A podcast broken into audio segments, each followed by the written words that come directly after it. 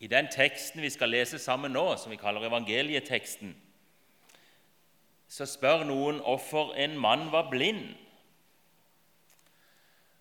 Og Så kommer vi nok her inn på bedehuset på Flekkerøya med hver våre hvorfor, med hver våre lidelser og sår, om du vil.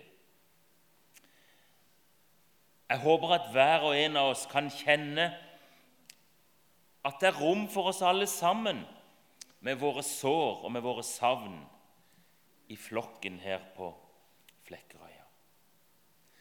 Må Gud gi oss, hver enkelt av oss, en høy himmel over våre lidelser og en, hjelp til å tro òg i mørket. Og så skal vi lese sammen noen av versene fra Johannes 9. Egentlig må du veldig gjerne lese hele det kapittelet når du kommer hjem. For vi tar bare bruddstykker av, av fortellinga og deler noen tanker rundt. Men vi leser sammen først fra Johannes 9, og vers 1 og til vers 7, og vi leser Jesu navn. Og da Jesus gikk videre, så han en mann som var født blind. Disiplene hans spurte ham, 'Rabbi, hvem har syndet, han eller foreldrene hans, siden han ble født blind?' Jesus svarte, 'Verken han eller foreldrene hans har syndet.' Men det er skjedd for at Guds gjerninger skulle åpenbares på ham. Jeg må gjøre hans gjerninger som har sendt meg, så lenge det er dag. Natten kommer da ingen kan arbeide. Mens jeg er i verden, er jeg verdens lys. Da han hadde sagt dette, spyttet han på jorden, laget en deig av spyttet og smurte deigen på øynene hans. Og han sa til ham, 'Gå og vask deg i dammen Siloa.' Det betyr utsendt. Han gikk da bort og vasket seg og kom tilbake seende. Så er vi i samme kapittel og hopper til vers 35 og leser til og med vers 38. Jesus fikk høre at de hadde kastet ham ut. Da han hadde funnet ham, sa han, 'Tror du på Guds sønn?' Mannen svarte, 'Hvem er han, Herre, så jeg kan tro på ham?' Jesus sa til ham, 'Du har sett ham, han som taler med deg, han er det. Han sa, 'Jeg tror, Herre', og han falt ned for ham i tilbedelse. Kjære Jesus, velsign du ordet ditt for oss i dag. Må du ha noe å gi til hjelp og oppmuntring i livene våre, alle vi som er her i formiddag. Velsign du stunder fortsatt. Takk for alt vi allerede har fått høre. Vi legger fortsatt møtet nå i dine hender, Jesus. Amen. En mann som var født blind, han eller foreldrene som har synda, hvem sin skyld er det? Hvorfor? La oss snu litt på teksten i dag. La oss begynne litt med troa. Åssen er det med deg og troa? Er det noen som strever litt, har et problem med troa? Kanskje kommer stundom tankene hvis bare jeg hadde tro eller tro nok, så ville livet ordne seg. Hvis bare jeg trodde nok, så kunne jeg befale sykdommen til å forsvinne. Det er helt rett at Jesus innbyr oss til å tro på Han. Og det er helt rett at vi skal sette vår tro til Jesus. Men det er noe rart i denne teksten. Det er noe underlig. Den blinde mannen han hadde ikke noe spesiell tro på Jesus.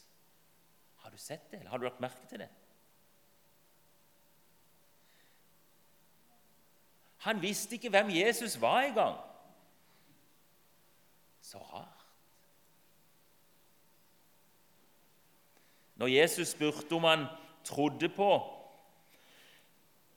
Når Jesus spurte om han eh, trodde på, på menneskesønnen, så svarte mannen, 'Ja, hvem er han?' 'Herre, så jeg kan tro på han.'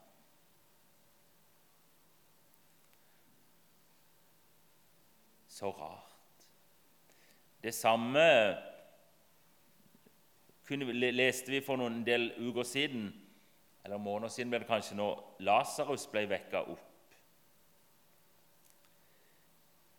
Den syke med Betestadammen visste heller ikke hvem Jesus var før han ble helbreda.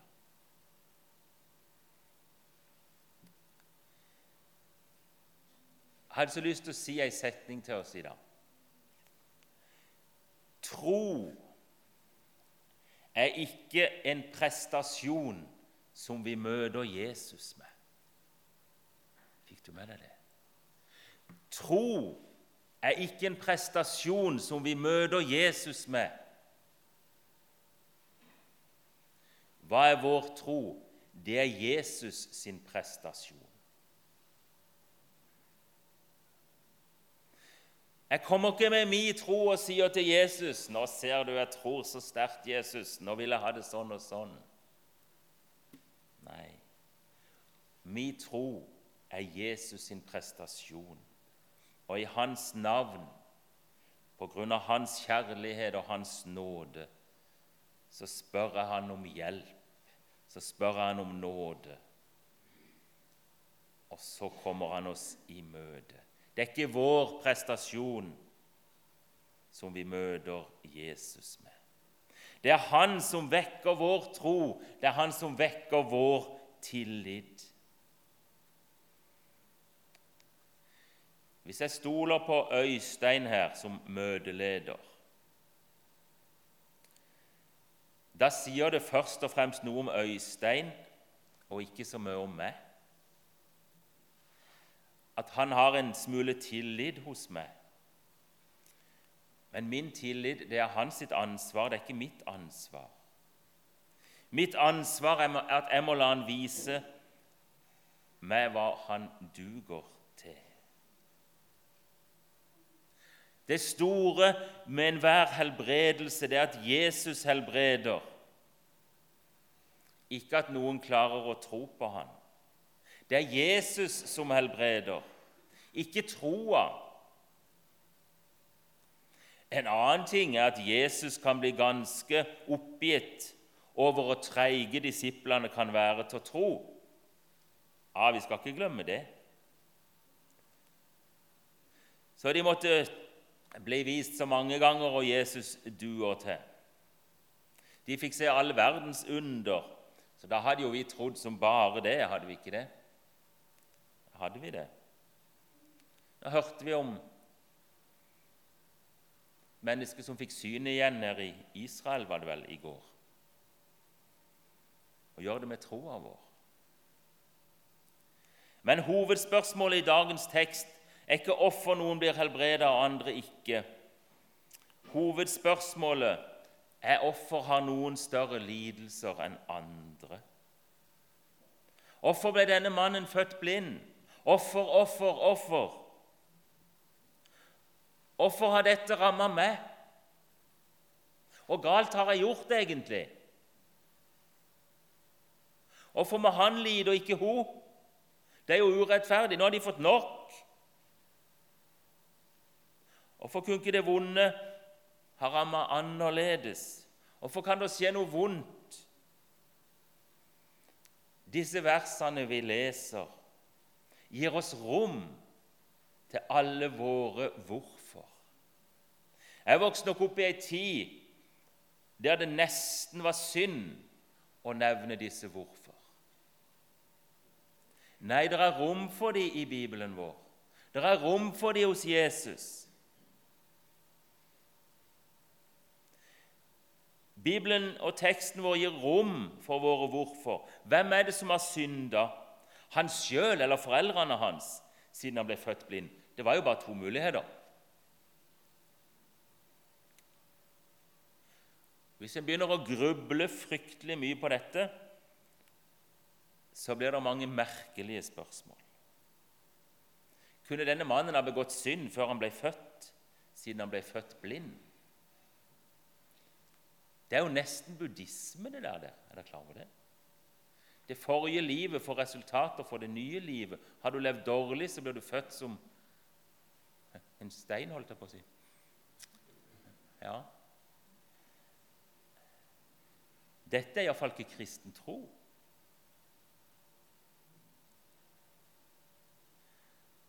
Det er plass til spørsmålene våre i denne teksten. Men det er ikke så fryktelig mange svar. De må vi lese andre steder i Bibelen vår.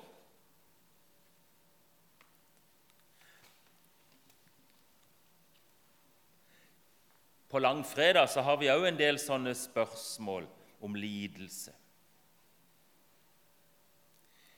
Jesus snakker nå om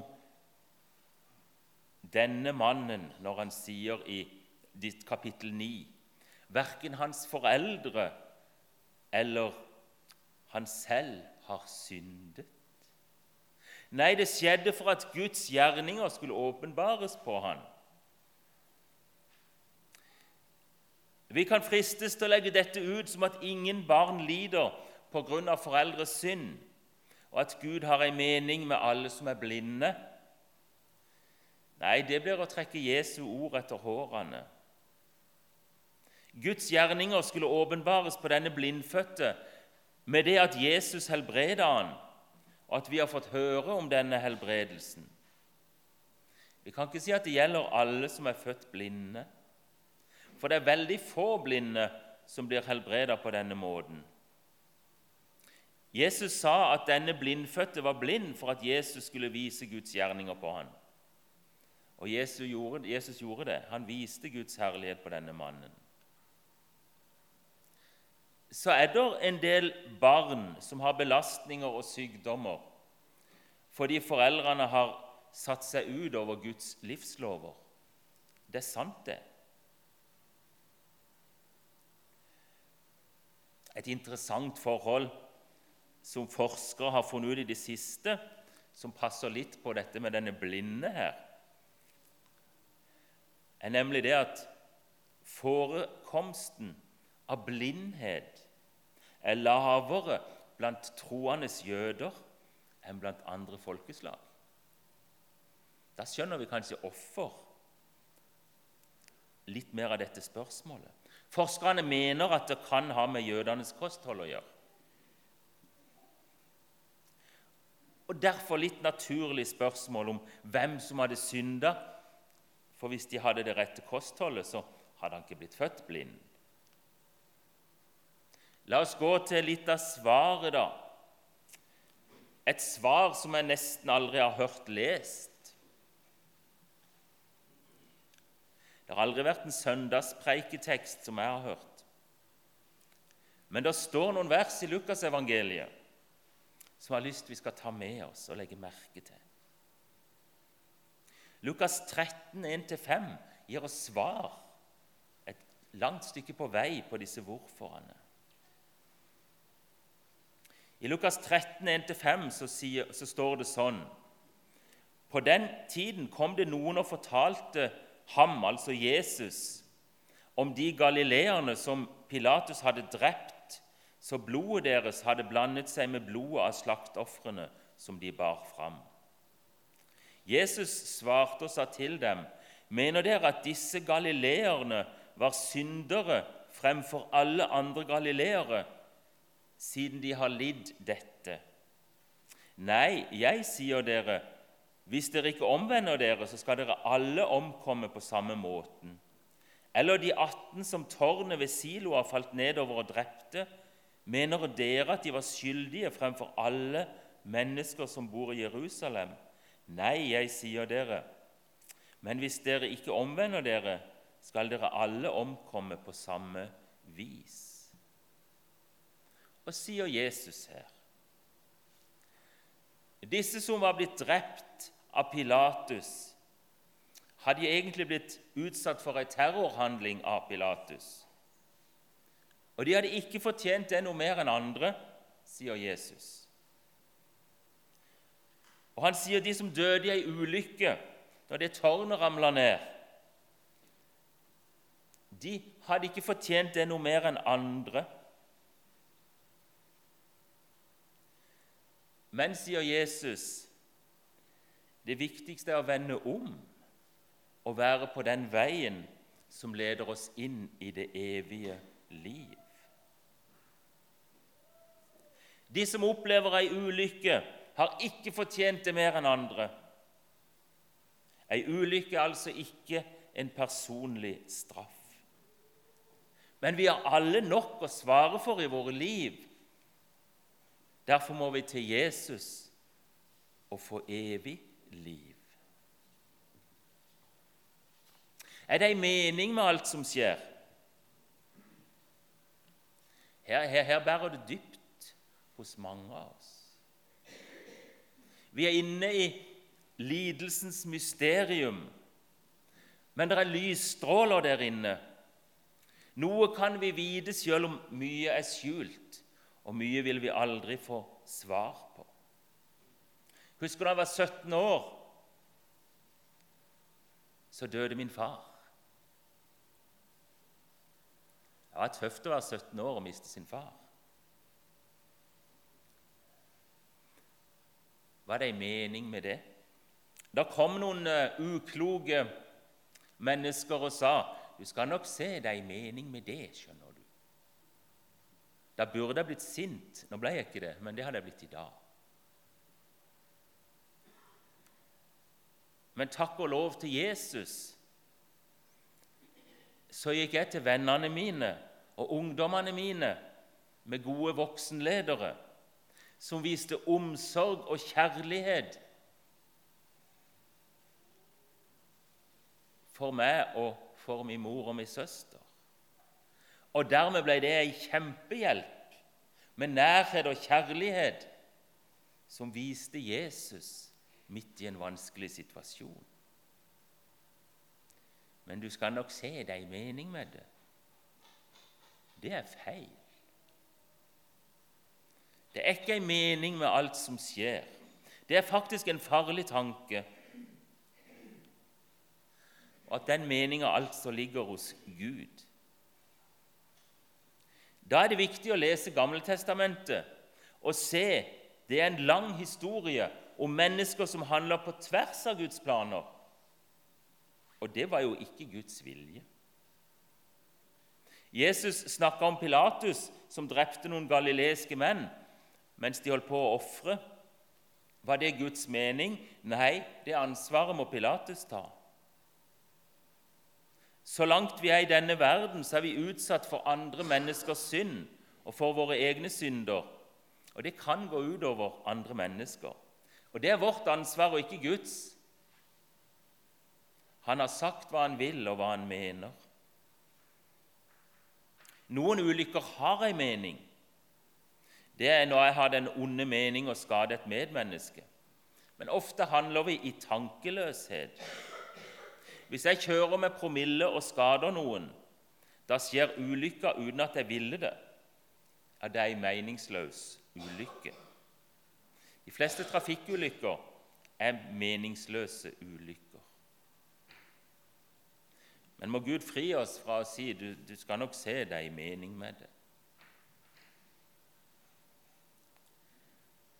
Jesus gjorde tegn, Jesus gjorde under, midt inn i vår tilværelse med meningsløs lidelse og ondskap. Alle Jesu helbredelser, alle tegn og under i dag er et vitnesbyrd om en ny himmel og en ny jord som skal komme, der rettferdighet bor. Han er mektig til å reise døde opp til nytt liv. Jesus er mektig til å åpne blindes øye, øyer, for han har all makt i himmel og på jord. Vi skal få be til han om all sykdom og lidelse og nød. Og så griper han inn og kan bruke situasjoner. Men han gjør det ikke alltid på den måten som vi skulle ønske oss. Måten han tar denne makta på, det er ikke å fjerne all lidelse og sykdom i denne tilværelsen. Nei, for det er bare tegn på det som skal komme når Han skaper en ny jord og en ny himmel. Denne verden lar seg ikke reparere fullt ut, for den er skada av vår egoisme, et fall fra Guds gode vilje og rysta av fiendskapet mot Gud. Men Jesus har fortsatt makt. Jesus vil fortsatt vi skal komme til Han og komme med våre spørsmål. Og så vil Han være der, kanskje gjennom deg som en som bryr seg om en som strever med disse spørsmålene. Så er det ikke svarene som er det viktigste, men det er nærhet og omsorg og varme fra brødre og søstre som elsker hverandre. Som går noen skritt sammen når noen har det vondt og vanskelig.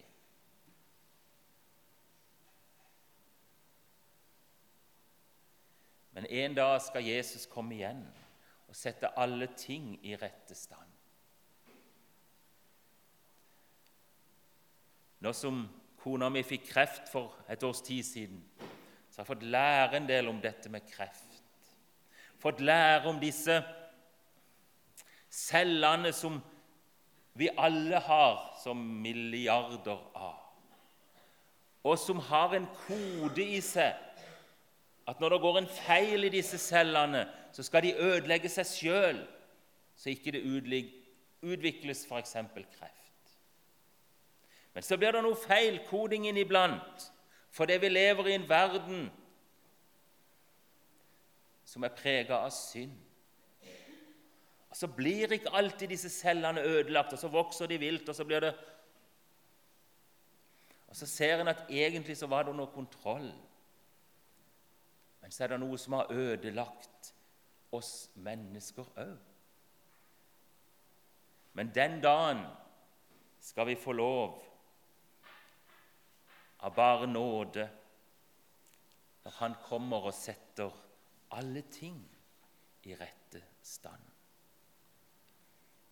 Så lenge vi lever i denne verden, så preges vi av forgjengelighet. Vi bærer livets begrensninger på kroppen i større eller mindre grad, alle sammen. Gud la forgjengelighetstegn inn i tilværelsen etter syndefallet. Tårn og tistel, smerte, slid, svette. Og han satte døden som grense for livet. Heller ikke vi som har fått Den hellige ånd, blir lovt å leve under en paraply uten den, uten den forgjengeligheten som alle andre mennesker må streve med. Så lenge vi lever i denne verden, så må vi dele den, dens lidelser sånn som Jesus gjorde. Men Jesus har kommet og tatt vekk dommen fra denne lidelsen. Og han har tatt vekk brodden ifra døden. Og Jesus han sa, 'Deres Far i himmelen lar sin sol gå opp over onde og gode' 'og lar det regne over dem som gjør rett, og dem som gjør urett. Så når underne skjer, og de skjer takk og lov, og vi skal få lov å be om dem, så er det ikke det vanligste. Det er en del av Guds rettferdighet at han lar det regne, og at sola får skinne over den som tror på han, og den som ikke tror på han.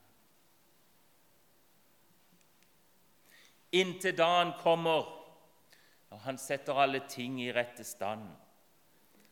Så må vi bære forgjengeligheten sammen. For den som rammes hardere enn andre, bærer symptomene på en verden som skal gå under. Det kan like gjerne være meg som rammes, som du som rammes. Liksom Jesus kom og løfta opp verdens synd, Sånn skal vi lette byrdene for hverandre og sette alt inn på å rette på urettferdige strukturer. Jesus er kommet for å bringe retten ut til folkene.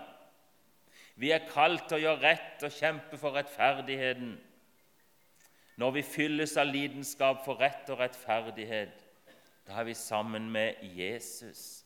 Jesus er verdens lys, og du og meg, vi er lys og salt i verden.